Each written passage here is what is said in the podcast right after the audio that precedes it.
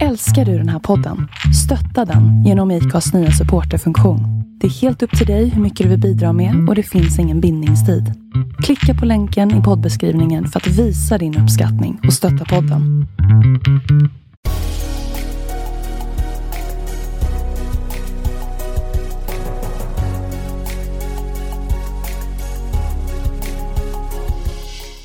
Välkomna till podden Vart är vi på väg? Med mig Jon Skoglund. Och med mig Jonathan Mellblom.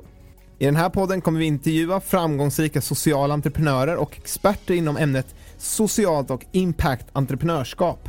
Vi ger dig som lyssnare de bästa tipsen och den bästa inspirationen för hur man genom innovativa och entreprenöriella metoder kan hitta lösningar på samhällsutmaningar. Häng med!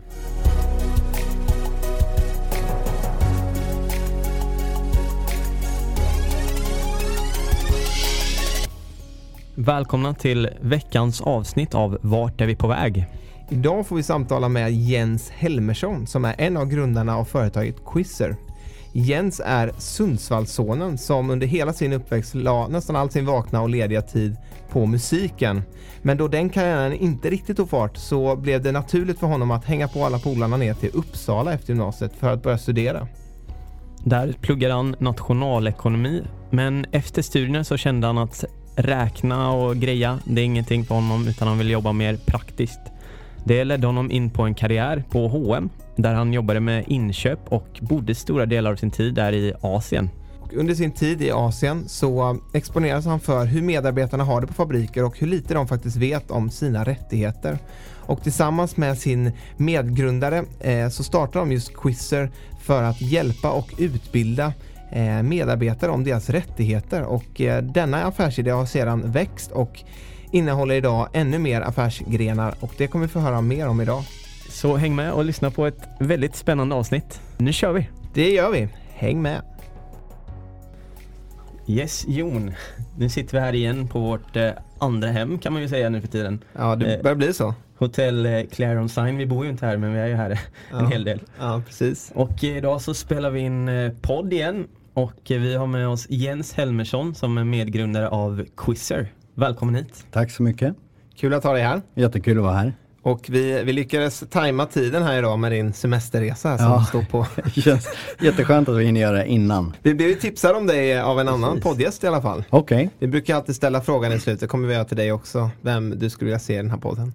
Men hur ser en typisk dag ut för dig? Om vi börjar där en typisk dag för mig eh, startar med eh, att ta hand om barnen, se till att de får käk i magen och oftast droppar de dem på skola innan jag drar in till jobbet. Eh, kommer in, jobbar på, på Söder där vi sitter, Quizzer och efter det så ja, har möten under dagen, pratar med Kina i början på dagen, pratar med andra länder på eftermiddagen och så sen hem och sköta driften i hemmet också.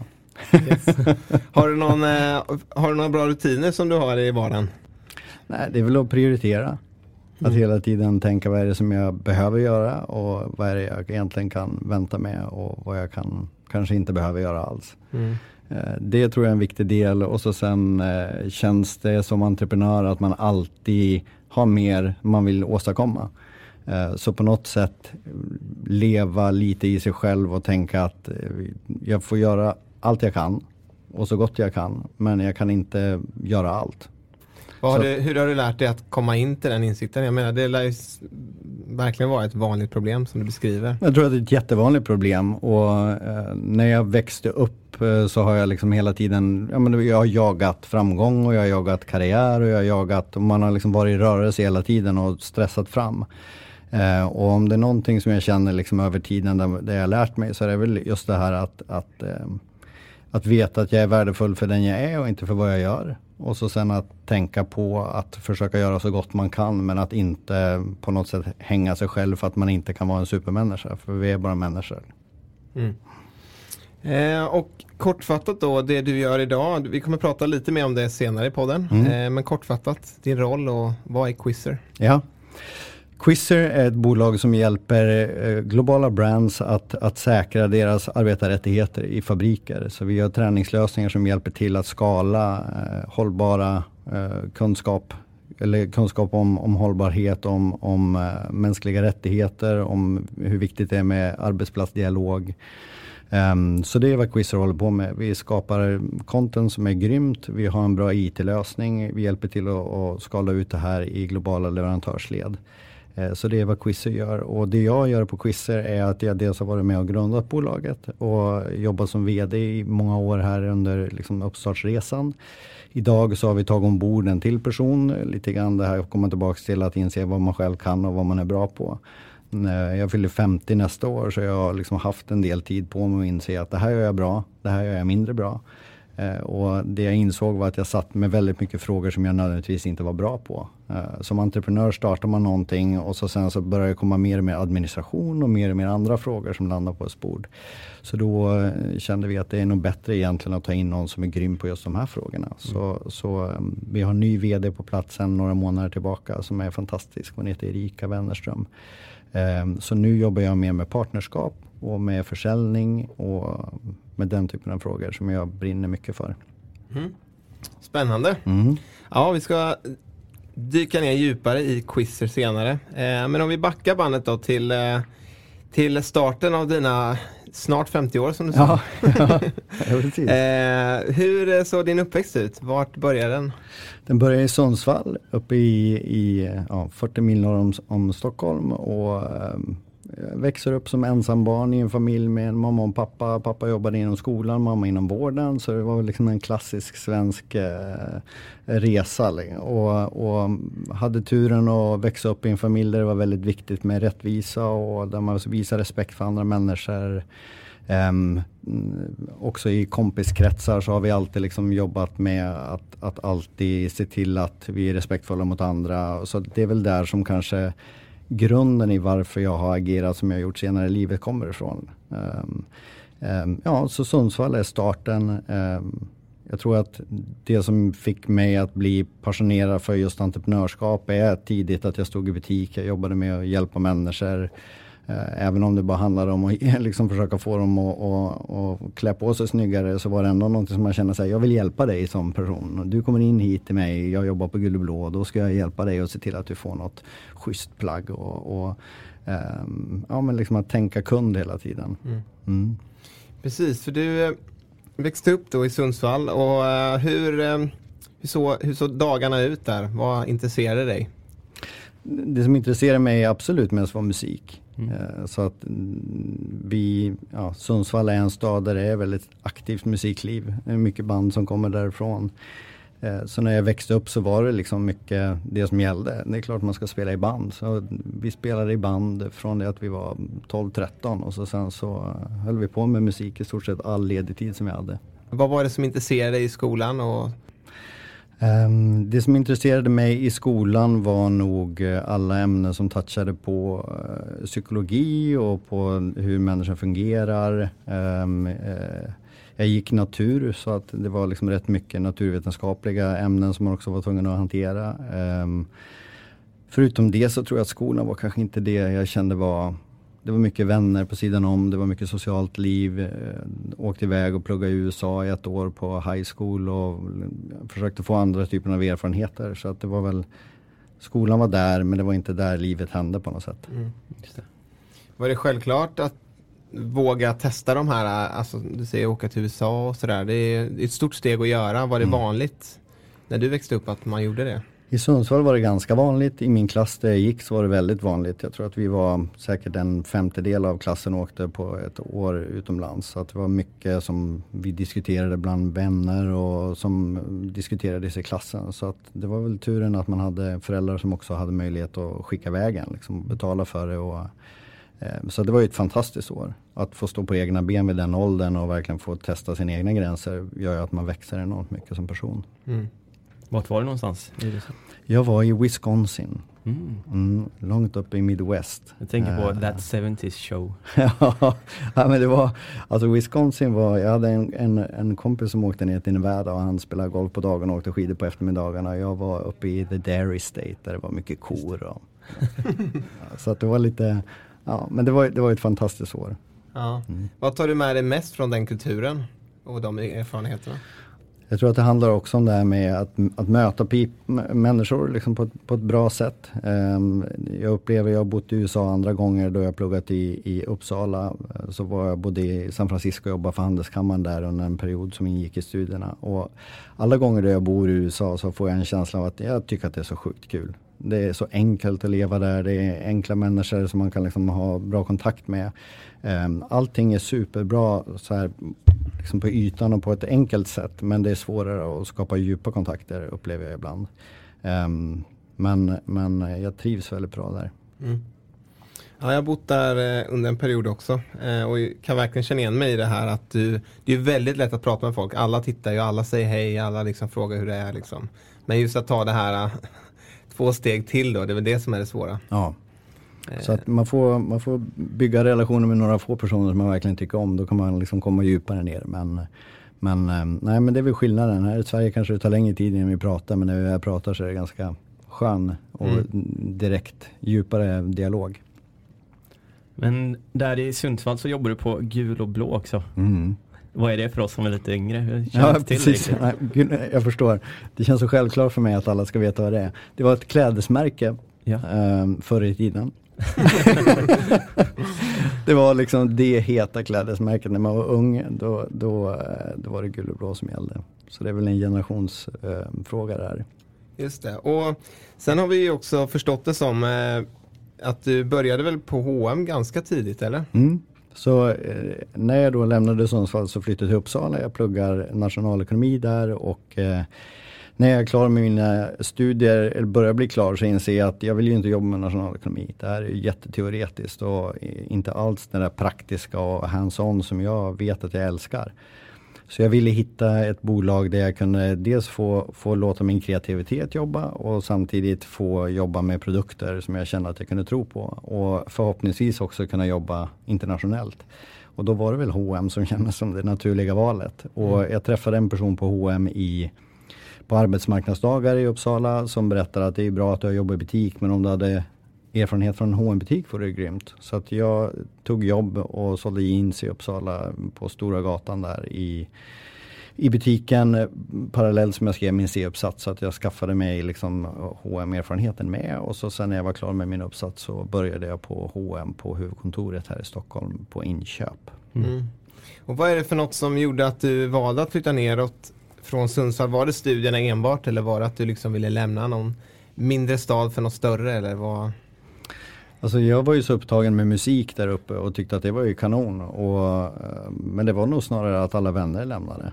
Så att det var, det var väldigt ensamt där uppe och, och, mina kompisar var också så här att det är klart att vi måste komma med nu. Liksom. Vi är i Uppsala, vi pluggar där, liksom, häng med. Du måste ju också fatta hur kul det här kommer vara. Mm. Um, och det är jag jättetacksam för att mina kompisar i stort sett kom och drog mig ur min lägenhet och såg till att jag ansökte och såg till att jag drog iväg. Så att eh, det var nog inte egentligen någon väldigt stark drivkraft att det är det här jag vill göra utan det är väl eh, jag var ganska tillfreds i Sundsvall men, men eh, jag är också tacksam för att jag gjorde de valen jag gjorde. Mm. Det med att plugga nationalekonomi, var det då dina vänner drog med dig? Blev det lite, det blev nationalekonomi eller var, fanns det liksom en vilja hos dig att det, var, det var det du ville? Jag, jag var väldigt osäker på exakt vad jag ville.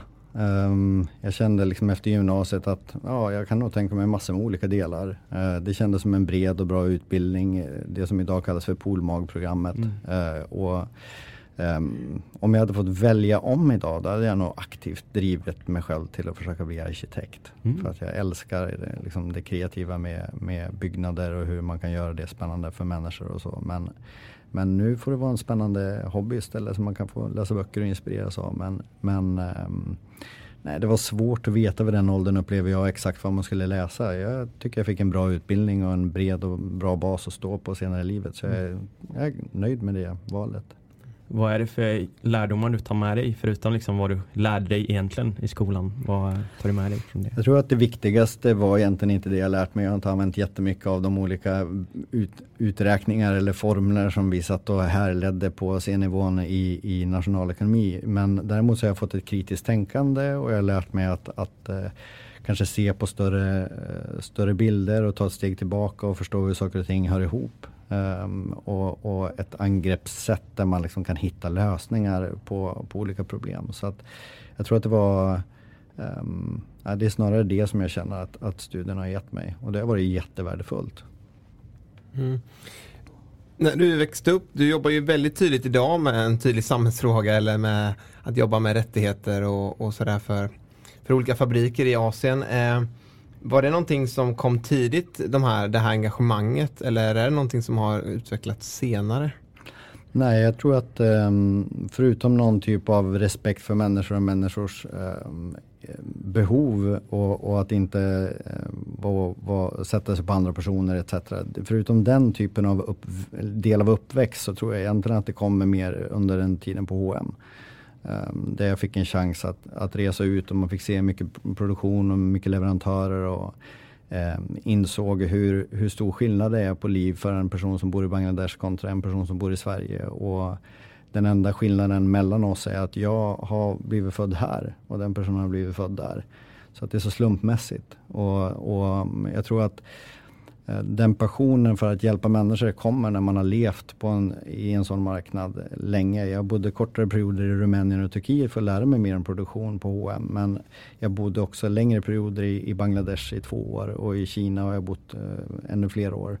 Eh, men, men eh, under de två åren i Bangladesh, jag hade precis fått barn, man, är väldigt, man håller på att förändra sin egen eh, verklighet och, och man har liksom en en liten människa till som man tar ansvar för. Och så är vi samtidigt i Bangladesh om man tittar på hur små barn har det där. Och, och de möjligheter som också man står inför och viljan att kunna få hjälpa människor. Och, så att jag tror att de två åren under eh, tiden jag bodde i Bangladesh har format mig mest utifrån liksom mitt sociala entreprenörskap.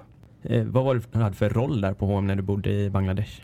Jag var ansvarig för eh, produktionen för och grovstickat så man har ett team då på eh, någonstans mellan, mm, kanske var 40 till 50 personer som jobbade med att, att säkra att de ordrar som vi tog emot från, från inköp eh, placerades ut till rätt leverantörer som kunde leverera inte bara bra pris och bra kvalitet utan där också hållbarhet var en del av, av det sätt som vi valde ut leverantörer för olika ordrar. Och där tror jag att det här är en av nycklarna till varför H&M idag är starka inom hållbarhetsfrågor. Är att de tidigt la ut ansvar på, på de som drev businessen. Så att det inte sitter ett eget litet team på sidan om som ska på något sätt driva de här frågorna. Om jag tittar på bolag från min position idag så ser jag att de som lyckas med hållbarhet är de som gör det till en central del i deras verksamhet. Där man säger att det här är naturligt för oss och det är på det här sättet vi driver vår business.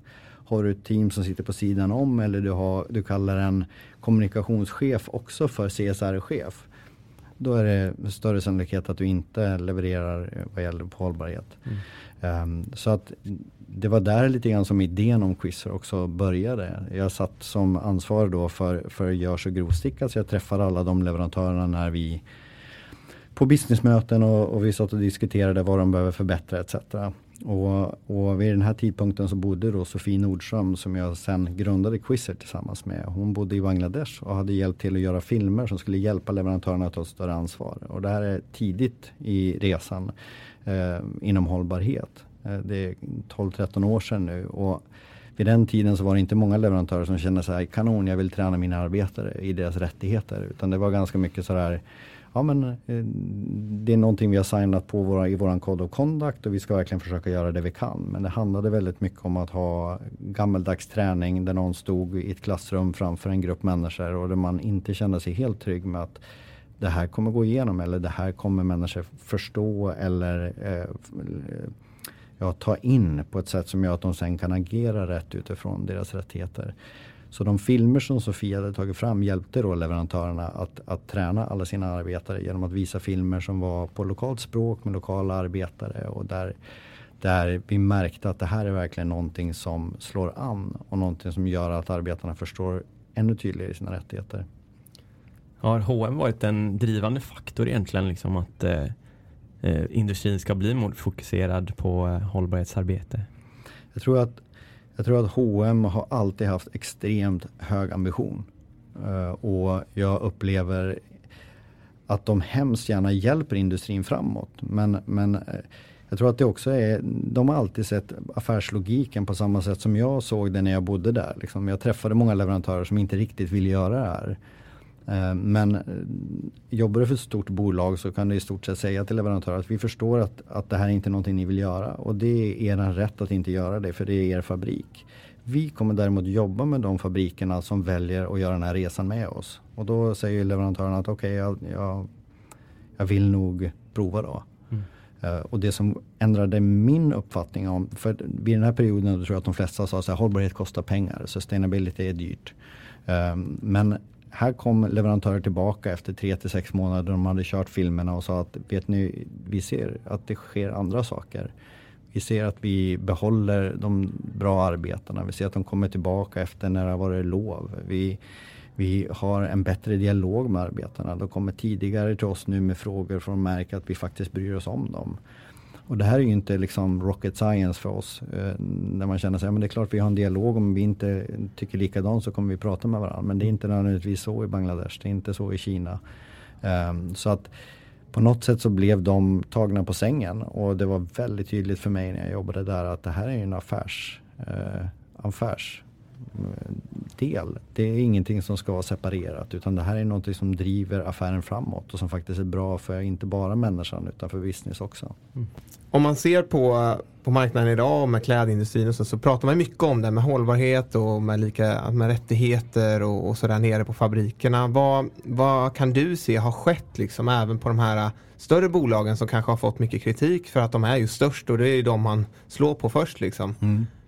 Dels så kan jag väl känna att det är precis som du säger att man slår på dem som är stora och, och man skapar ju rubriker och man kan stoppa in H&M i rubriken. Då blir det någonting som är allmänt för mm. det, H&M är någonting som alla känner till.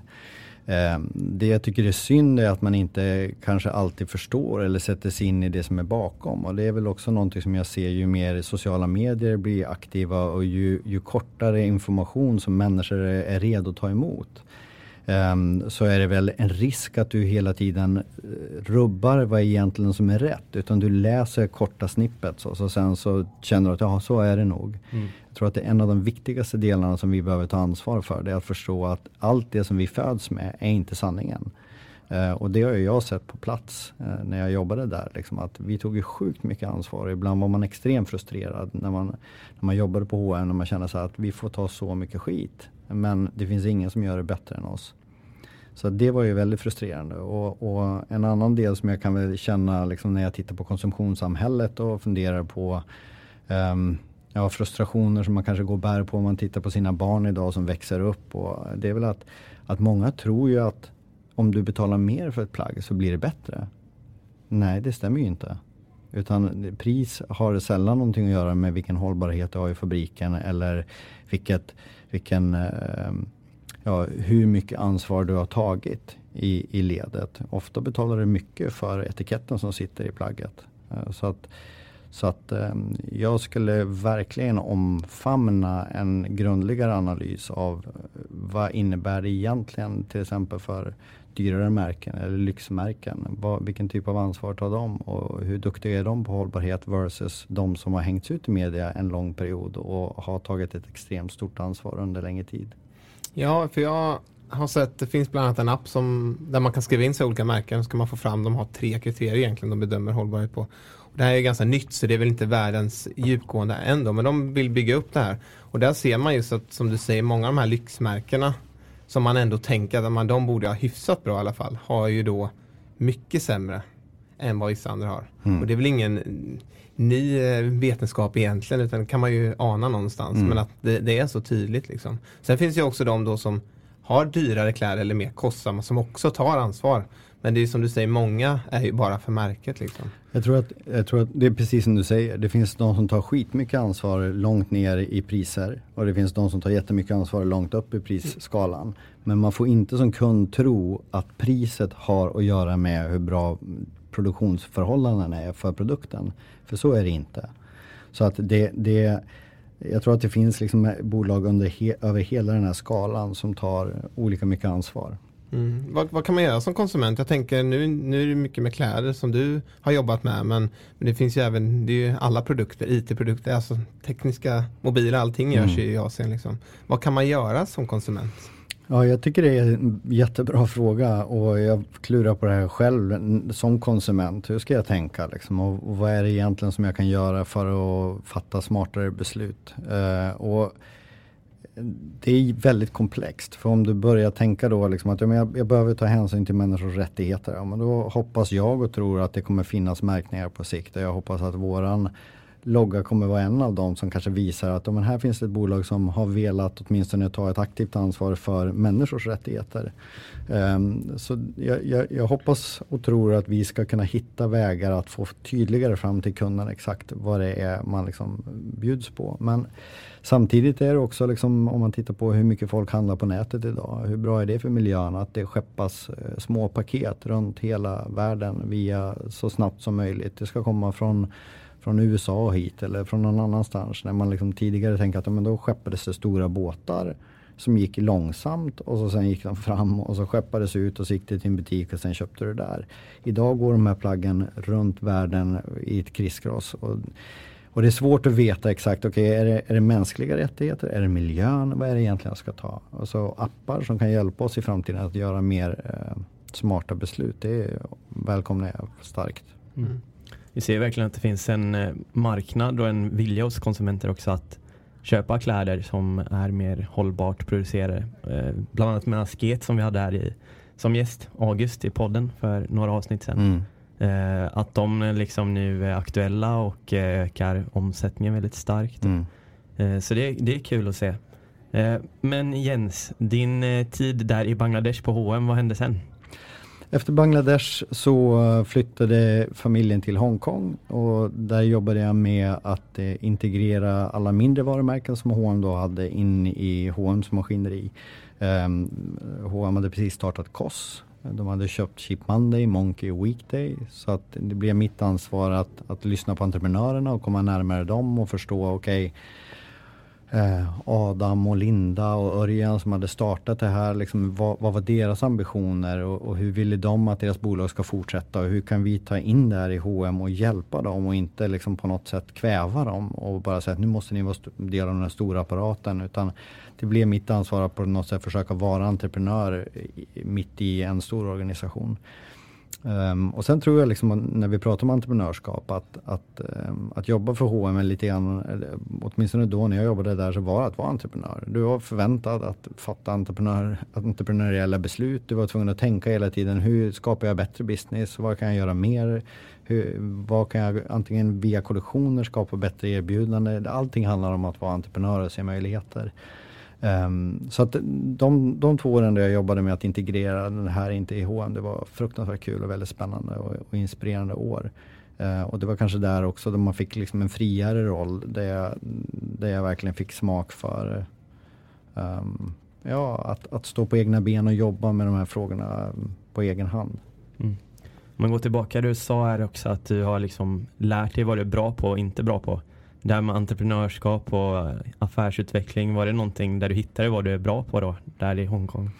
Jag tycker, eh, ja visst absolut och, och mm, jag fick jobba med kollektioner eh, när jag jobbade här hemma i Sverige innan vi flyttade ut och det tyckte jag också var vansinnigt kul och tyckte det var jättespännande att få jobba med att skapa produkter till en kund och hela tiden tänka liksom kundmedvetet och förstå okej, okay, vad kan vi göra mer? Hur skulle vi kunna hitta ett sätt att ännu bättre ge, ge eller ge ännu bättre erbjudanden till kunderna. Um, men ja, det, det, var säkerligen så att i Hongkong så kom en, en del av det här och känslan av att um, jag har sett mycket, jag har varit med om mycket, jag har varit med och byggt mycket. Så när vi, när vi väl flyttade hem från Hongkong då, då började jag jobba för ett annat bolag som heter Indiska. Uh, som, och jobbade då liksom med allt från designfrågor till, till inköpsfrågor till produktionsfrågor. Eh, och, och mm, såg också utmaningen som jag tror att de flesta svenska bolag står inför. Där, där man inte har samma resurs, eh, resurser som till exempel H&M eller IKEA eller kanske Electrolux eller liksom stora svenska bolag. De flesta svenska bolag behöver försöka hitta sätt som är smarta och, och, eh, och göra mer med mindre.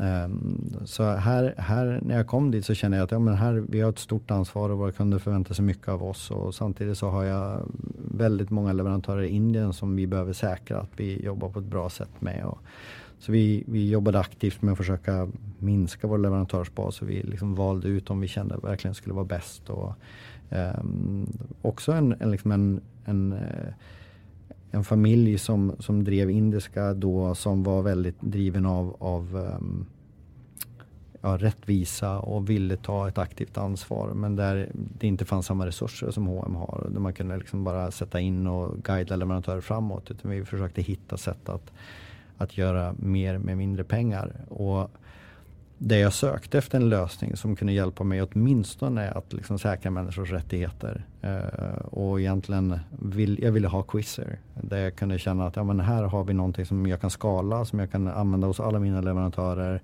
Som är enkelt att använda, som är billigt och kostnadseffektivt men skalbart och mätbart. Eh, men det fanns inte, jag hittade ingenting. Så eh, efter två år på indiska när, när då Sofie kontaktade mig igen som hade gjort då filmerna för H&M i Bangladesh. Och hon sa att vi borde ta min erfarenhet av att göra bra film och vi borde ta din affärserfarenhet och vi borde bygga ihop det här och vi borde ha ett instrument som hjälper leverantörer att, att träna sina anställda och vi mäter och vi skalar och vi är transparenta i, i att dela den här datan. Det var då som jag kände att ah, men nu, nu är det dags. Så ehm, när hon och jag sågs då liksom andra gången, då skakade vi hand och sa att nu kör vi och det är fem och ett halvt år sedan ungefär nu. Mm. Så grymt. Eh, ja. Så Quizzer var egentligen eh, det första egna projektet där vid sidan av indiska. Ja, så det var, om man inte räknar musik och annat, då var ja. det absolut det första egna projektet mm. efter indiska. Hade ni någon eh, lyckad succé med, med musiken där förresten? Nej, det var, ja, men, Eller ni själva tyckte kanske att det var lyckade? Vi tyckte att vi var grymt lyckade ja. och, och, vi släppte någon CD-singel och vi turnerade och vi spelade i radion lite grann. Liksom, men jag kan inte säga att det har varit någon speciell musikkarriär direkt. Finns på Spotify? Finns på Spotify. Det gör det? Mm. Okej. Okay. Får vi veta vad det heter?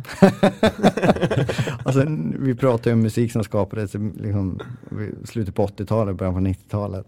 Men eh, vi hette Funny Farm. Grymt. Kanske kan avsluta podden med en dänga. Ja, precis. precis. Dra igång Rain of September, det var våran hit på den tiden. Ja. Spelades varje september några år efter det också. Så fort det började regna då visste man att ja, men nu, nu kommer det snart. Men det är något köra. man vill förknippas med, lite regn i höst. Vackert. precis.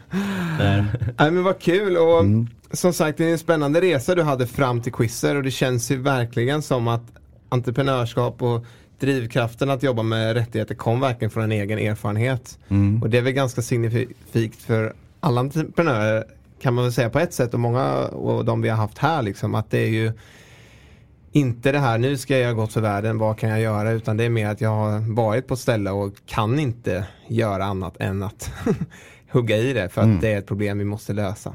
Och det, och det håller jag verkligen med om. Och jag tycker att Um, nej, men när man har sett så mycket och levt där ute och man har sett hur mycket utmaningar som finns och att det inte finns uh, sätt att egentligen lösa det. Det, det, ja, det kommer till en period i livet då man säger så här, antingen så får jag fortsätta prata om det här och vara frustrerad eller också får jag vara en del av lösningen. Och, och det är skönt idag att veta att det är flera hundratusen människor som som lär sig sina rättigheter idag på grund av oss och att vi snart är uppe i 500 000 träningssessioner. Det är, det är en bra känsla. Grymt alltså. Och Quizzer då, du eh, berättade lite innan vad det är ni gör och vi har ju fått höra här hur ni tog era två bästa världar in i, in i en produkt. Mm. Eh, men berätta lite mer, det är en typ av utbildningsprogram för människor med deras rättigheter och sådär. Och hur har det utvecklats sen från den första produkten till mm. idag?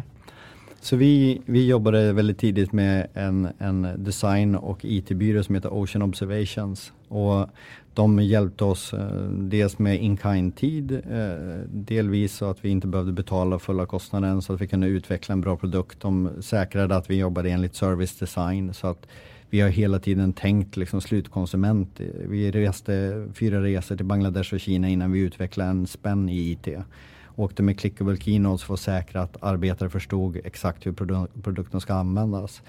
Eh, vi har gjort massor med intervjuer med inköpare, vi har gjort massor med intervjuer med, med eh, fabriksägare och med arbetare så att vi verkligen förstår, okej okay, vad är den, de problemen som vi behöver hjälpa till att lösa. Eh, jag tror att det, det här är en nyckel i att lyckas om man liksom pratar om vad, vad ska vad jag skulle tipsa entreprenörer om i framtiden. Se till att du verkligen förstår utmaningarna som du ska lösa. In, och sitt inte här och tro att du från Sverige ska förstå det och skapa en produkt som du sen ska lansera på den. Utan du måste åka ut och prata med någon som du har tänkt, det här, det här, är det här verkligen vad du vill ha?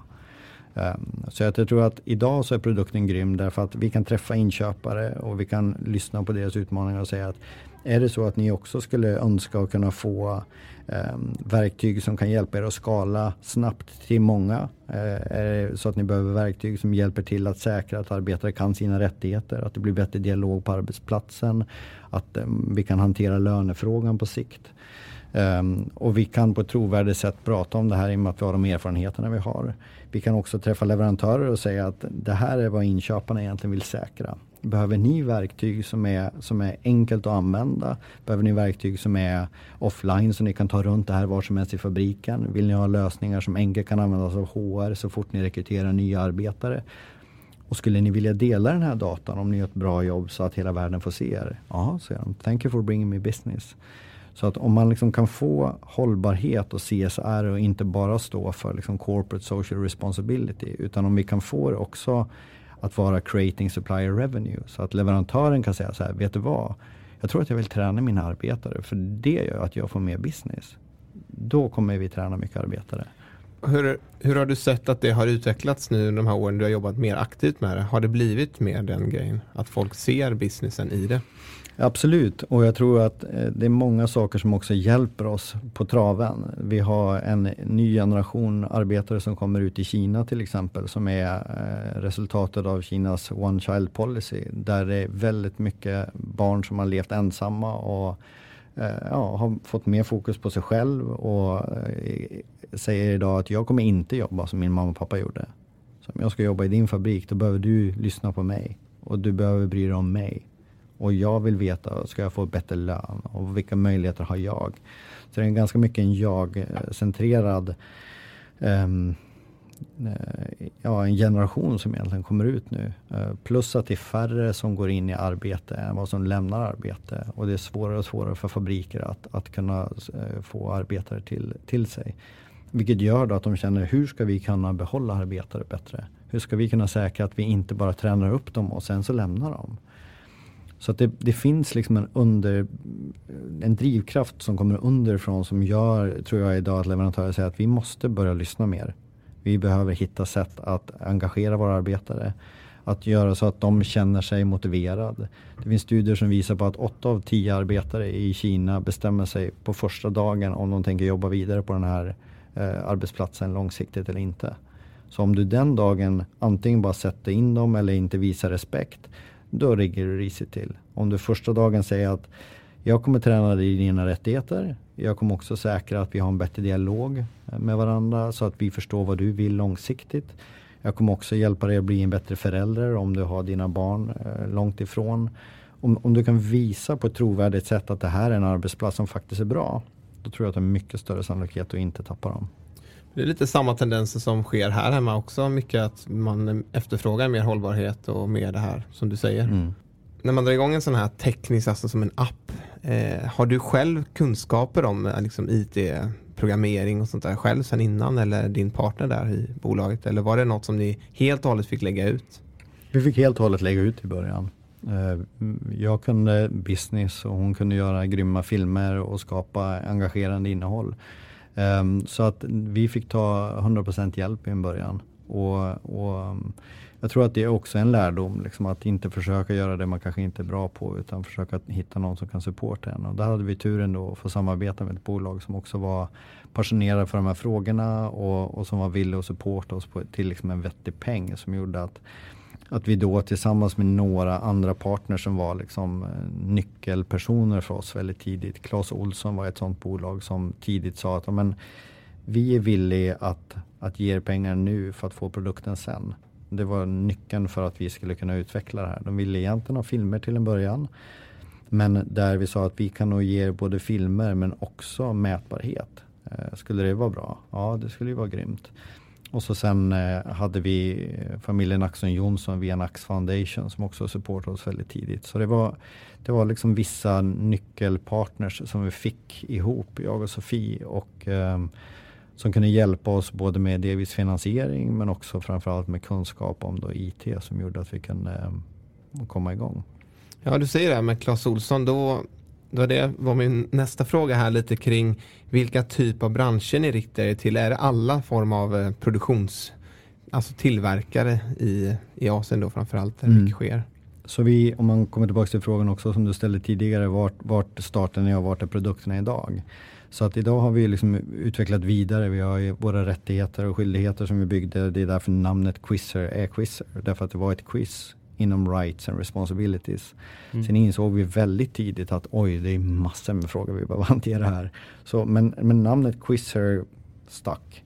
Och det var lite grann sådär att det var konstigt nog för att människor skulle minnas det. Så idag jobbar vi vidare med namnet Quizzer även om vi idag liksom tränar också inom uh, worker engagement, inom andra frågor som wage management, uh, involuntary work, för att säkra att det inte finns slavarbete etc.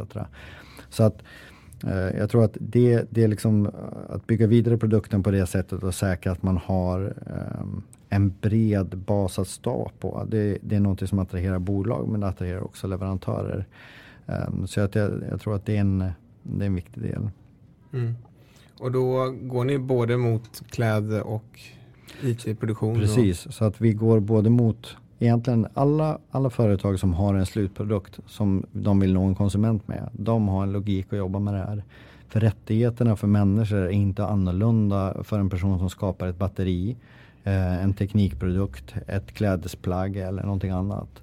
Så att eh, vi har en eh, enorm bredd idag med bolag som vi jobbar tillsammans med i allt från ja, Clas Olsson i det segmentet. Vi har eh, ja, många kunder inom modindustrin. Vi har eh, kunder inom ja, Axfood, inom matindustrin, ICA. Vi jobbar med med um, Migros som är Schweiz största kedja. Vi jobbar med liksom många, många olika typer av bolag. Så det är väl fördelen att jobba med en produkt som är bred där man inser att liksom man, om vi ska säkra mänskliga rättigheter och skapa bättre dialog då kan vi göra det överallt. Vad är på gång här framöver då för quizzer och sådär? Hur går det för er? Rent finansiellt och Ja, vi, vi har ju då, om det är någonting som man, om man tänker på entreprenörsresan och vilka frustrationer man, man upplever så är det att det går, att det går alltid för långsamt. Det går alltid för långsamt. Och eh, det tar längre tid att göra det man vill. Eh, och jag tror att det här är någonting som Ja, det finns några få lyckliga undantag tror jag. Om man pratar med entreprenörer som säger ja det gick så fruktansvärt fort och vi gick bara med vinst på en gång. Och, men annars är det liksom en resa där, där jag tror att har du en riktigt stark idé men du har framförallt uthållighet, då har du potential att, att lyckas. Men, men det är ett, ett, man får, det är en grinding. Det är att gå till jobbet varje dag och bara köra på. Eh, Vår affärsmodell är uppbyggd så att man delar kostnader. Så leverantören betalar en årlig avgift och varumärket betalar en årlig avgift. Eh, så de här intäkterna som vi har, har vi inte tänkt ska generera vinst förrän förhoppningsvis i, ja, någon gång i nästa år. Eh, så det, vi har liksom en modell som bygger på att det är skala som vi vill åt. Och för att kunna nå stor skala så måste vi vara liksom väl prisade. Eh, och vi behöver hitta liksom en balans mellan vad är varumärken vill betala och vad leverantörer vill betala. Och så sen eh, så eh, vet vi liksom att när vi väl skalar upp det här ordentligt och vi får många leverantörer ombord som, som kunder och vi får många varumärken, då kommer vi tjäna pengar. Men fram tills dess så är vi beroende av investeringar. Så att vi har ehm, ja, ganska många investorer ombord. Dels några vänner som var med tidigt för att supporta liksom, den tidiga resan. Och sen har vi haft tre stycken investerare som har varit med oss i eh, ja, tre och ett halvt, fyra år redan. Eh, vi har också dessutom några större investerare som har kommit in på slutet. En amerikansk fond och en svensk fond. Norrsken som har varit här också och ser. Vilka utstakade liksom KPI har ni för att mäta er impact? Det är också något vi brukar ställa för att eh, mycket, ja, men inom vissa av de här uh, branscherna som vi har företag som varit här och vi har intervjuat har ju ganska nya typer av affärsidéer och det mm. verkar svårt att hitta de här. Vilka är KPI för att mäta mm. impact? Hur mäter ni det? Vi mäter då uh, hur, vilken typ av kunskapsförhöjning som vi kan uppbringa.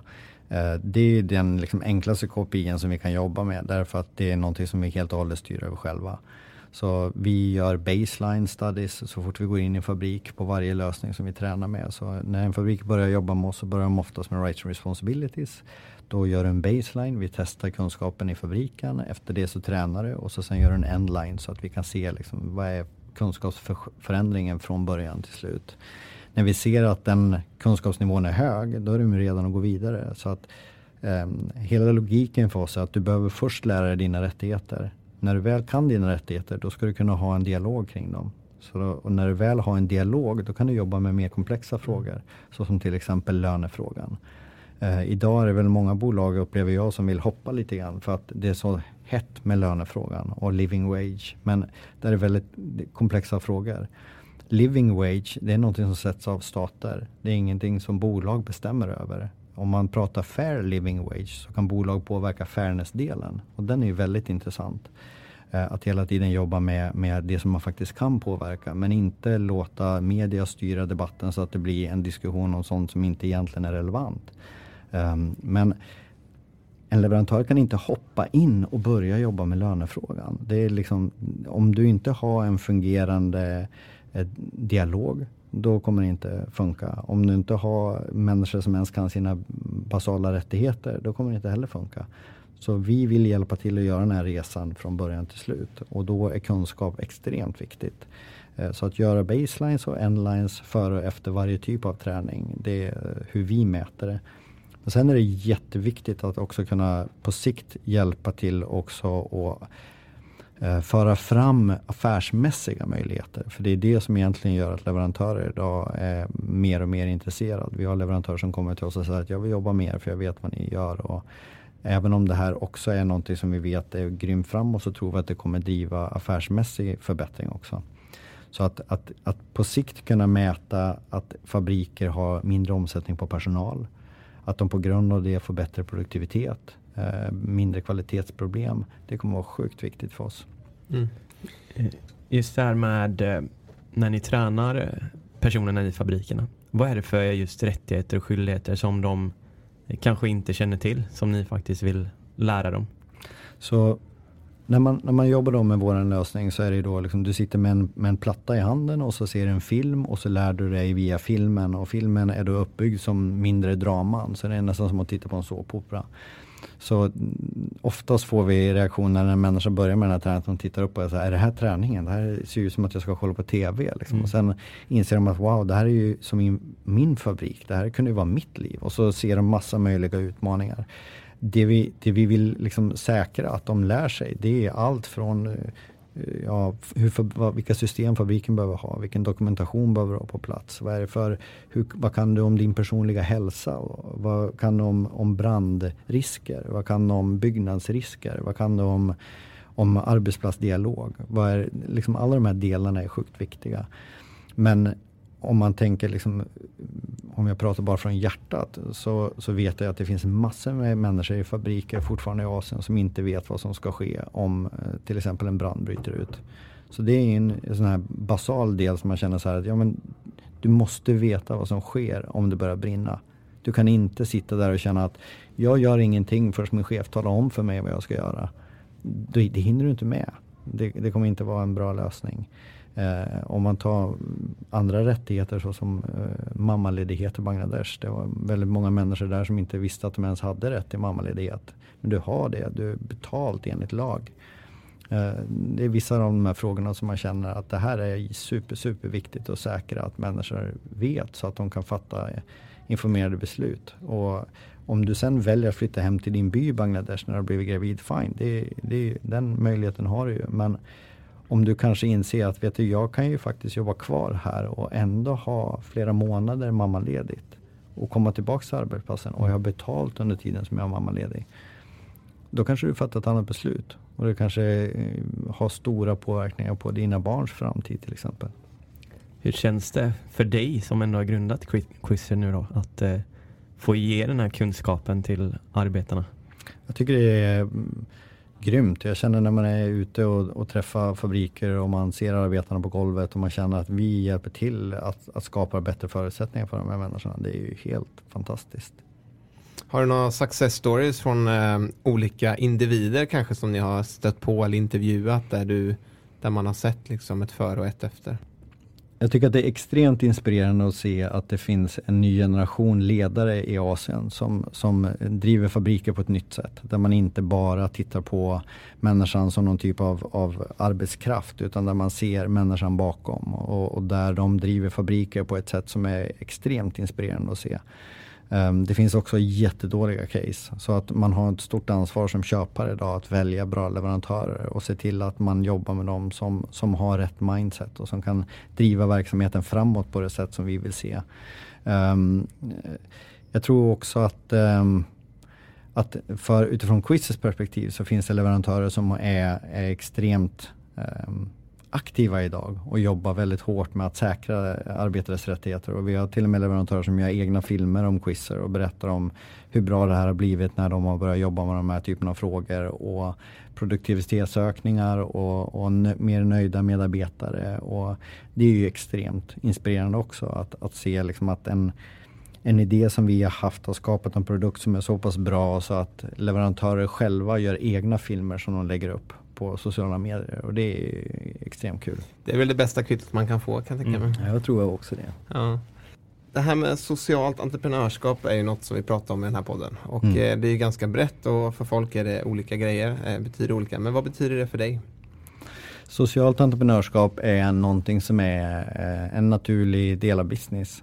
Det är någonting som um, som kanske eh, sätts lite på sidan av men som felaktigt gör det upplever jag. Därför att det är någonting som ska vara en naturlig del av varandra, varenda bolags verksamhet. Eh, att jobba med de här typen av frågor känns som något som är självklart eh, 2019. Så att, så att mm, Socialt entreprenörskap är väl liksom en term som jag hoppas att vi inte använder i framtiden. Det handlar om entreprenörskap, det handlar om att driva verksamhet på ett respektfullt sätt. Det borde alla göra. Mm. Bra svar. Och vart ser ni er om tre år? Om tre år då eh, ligger vi uppe i ungefär tusen leverantörer. Vi jobbar på olika marknader. Vi är idag i Kina, Bangladesh, Thailand och Mauritius. Då kommer vi också vara i Vietnam, Kambodja, Indien, eh, förmodligen även i Europa. Kanske till och med Sydamerika. Så att det, det vi fortsätter att växa med de bolag som vi redan har ombord. Men vi kommer också jobba med några riktigt stora globala spelare som hjälper oss att skala väldigt snabbt. Vi tränar miljontals arbetare då. Vi, vi lyssnade i en podd här från 2015 eh, tror jag det var som mm. du var med och då hade ni ett mål till år 2020. Mm. Eh, hur har det gått med det? Jag tror att det var att ni ville ha två miljoner arbetare mm. som har genomgått den här uh, utbildningen. Så det är fortfarande ett mål som vi, vi ser att vi är på väg mot. Men det går långsammare som jag nämnde tidigare. Allting går långsammare mm. än vad man vill. Uh, men, men vi har väldigt många spännande kontakter. Vi har stora bolag som visar intresse och givet att vi lyckas skala med de här stora bolagen på rätt sätt så är det fortfarande ett möjligt mål. Så vi jobbar vidare mot det stenhårt. Grymt. Om man lyfter blicken lite från Quizzer och kollar mer på ett eh, makroperspektiv och sådär på världen och de samhällsutmaningar som vi står inför. Mm. Hur ser du liksom på världen på tio års sikt? Eh, kommer vi ha löst mycket av det som vi står inför? Eller kommer vi ha ännu större utmaningar att lösa? Jag eh, tror att vi kommer ha ännu större utmaningar att lösa. Eh, men jag tror säkert att vi har löst många. Och vi, vi, men, men om det är någonting som jag är frustrerad över så är att det går för långsamt. Det går för långsamt och jag ser så många bolag och människor som jobbar på stora bolag som sitter i möjligheten att faktiskt påverka men där man sitter fast i administrativ struktur och där det, är liksom, det finns beslutsvägar och det tar lång tid att fatta beslut och när man väl fattar beslut så är det inte alltid att man kan stå bakom dem. Så, så den typen av frustration ibland känner jag så här, men vi kommer jobba med mycket samma problem även då. Eh, förhoppningsvis har vi löst en del och sen har det kommit till nya. Ehm, jag hoppas och tror att, att eh, social hållbarhet är borta då. Och då man pratar om att eh, det finns ju inte bolag som, in, som kan operera om man inte tar ett ansvar. Um, så det är väl vad jag ser som störst potential. Att vi kanske har kunnat lyfta de här frågorna från att människor ska känna att ja men vad kan jag göra och jag, om jag förändrar mitt beteende kanske inte spelar så stor roll till att känna att ja, men, vi är en mänsklighet som tar ansvar och vi gör det på olika sätt. Uh, så att, uh, men vi kommer säkerligen ha problem att ta tag i. Mm. Mm. Tänker du mycket på framtiden? Mm, ja, det gör jag. Med, jag har liksom barn som är 13 och 10. Jag tänker mycket på deras framtid. Eh, som entreprenör så tänker jag inte 10 år framåt. Eh, utan jag tänker ganska mycket, vad ska vi lösa nästa vecka, nästa månad, nästa år? Eh, vilka partnerskap ska vi skapa för att kunna skala upp oss själva och hjälpa fler människor? Men ehm, det är klart att man tänker på framtiden men inte kanske väldigt ofta. Vad, är du orolig för någonting särskilt så här, om man kollar på det? Mm. mm. Jag är orolig för miljön. Jag tror att det är många som är det äh, idag. Eh, jag är orolig för vad, äh, vad sociala medier och eh, användare av smartphones ska göra med oss som eh, individer. Jag är orolig för eh, vad det innebär att ha en hel generation som sitter sjukt mycket vid telefoner jag är orolig för psykisk ohälsa bland barn. Jag är orolig för hur de ska lyckas hitta sig själva istället för att bara känna att de um, får likes när de är ytliga eller snygga eller um, berätta allt som är bra. Jag hoppas att man ska kunna få vara människa även i framtiden och inte bara leva i någon typ av utopi där man förväntas vara perfekt hela tiden. Så Ja, det finns mycket frågeställningar att eh, jobba med. Mm. Eh, som sagt. Ja, och eh, vi tänkte väl gå lite mot landning. Mm. Eh, jag tycker vi har haft en jättespännande diskussion och samtal tillsammans om väldigt relevanta och viktiga delar. Eh, och vi brukar alltid avsluta med lite tips från våra gäster. Mm. Och till dig skulle jag vilja fråga vilka dina bästa tips är för en entreprenör som skulle vilja göra business och samhällsnytta på en gång? Ehm, att hitta ett viktigt område som man verkligen brinner för. Så man kan, eh, även när det är skitjobbigt, känna att ja, men jag behöver fortsätta. Eh, och sen hålla ut. att hitta, hitta ett bra område, eh, kom med en bra idé som verkligen kan skapa förändring och sen håll ut. För att det, det är en av de tuffaste grejerna som entreprenör. Det är att det går för långsamt. Du kommer behöva kämpa på. Och det kommer vara tillfällen då det är becksvart och då får du bara tända en sticka och promenera vidare. Mm. Bra tips. Ett socialt företag som du tror på framöver? Um, det finns ett amerikanskt bolag som heter Center for Human eh, Technology. Human Tech tror jag att deras hemsida är. De, de pratar mycket om hur, hur vi luras in i att bara använda telefonen mer och mer. Och de pratar väldigt mycket om att vi måste hitta ett sätt att få tekniken att jobba för mänskligheten. Och inte få mänskligheten att och, och liksom böja huvudet för tekniken. Ehm, det är ett bolag som jag hoppas och tror väldigt mycket på. Eh, därför att det är en fråga som vi måste lyfta. Och det är en av, av eh, de som också har varit med och skapat Infinite Scroll som gör att man bara scrollar vidare och scrollar vidare och scrollar vidare och scrollar vidare. Som säger att det här var ingen bra idé. Liksom. Vi, vi behöver hitta sätt att få människor att inte sitta en timme vid Youtube varje gång de går in där. Vi måste få människor att förstå att prata med andra människor eller att använda teknologi för bra och inte för att sitta och, och liksom grotta ner sig i sociala medier eller för, försöka fundera på om vi är populära eller inte. Mm. Och eh, om du skulle vilja fortsätta lyssna här på vår podd efter, vem skulle du vilja lyssna på då? Jag tycker att, eh, för att komma tillbaka lite grann till det här liksom med, med, psykologi och andra frågor, så tycker jag att Anders Hansen är alltid extremt inspirerande att lyssna på. Eh, jag tycker också att, att eh, Johan Rockström har väldigt bra idéer. Ehm, så om ni kan få någon av dem så kommer jag garanterat lyssna. Spännande, kul! ja, men jag tror att det här ämnet kring ja, psykisk ohälsa och alla de här bitarna det är, det är väldigt eh, relevant om man ska snacka samhällsnytta. Jag tror att det är sjukt eh, viktigt. Det är ju liksom vi människor som gör allting och mår inte vi bra så, Nej. så blir ju valen och våra mm. liv därefter mm. och samhället därefter. Mm. Tack så jättemycket för idag. Tack så mycket Jens, så eh, kul att få träffa dig och eh, höra mer om ditt liv och quizzer och din resa. Tack så mycket. Tack så mycket för att du har lyssnat på dagens avsnitt. Glöm inte bort att följa oss i sociala medier. Vi finns på Facebook, Instagram och LinkedIn och även vår hemsida vartarvipavag.org. Och om du har möjlighet så får du jättegärna gå in och ratea våran podd på iTunes. Yes, och för dig som vill ta del av podden ytterligare så tycker jag att du ska gå in och signa upp dig för vårt nyhetsbrev där du varje vecka får en liten kort resumé av avsnittet men också de bästa tipsen och de bästa insikterna från gästen som vi har haft med oss. Eh, så om du har varit ute på språng och inte haft möjlighet att anteckna något så gör det ingenting utan du får det på ett mail veckovis. En riktigt bra deal helt enkelt. Så se till att signa upp dig så fort som möjligt så ses vi nästa vecka igen.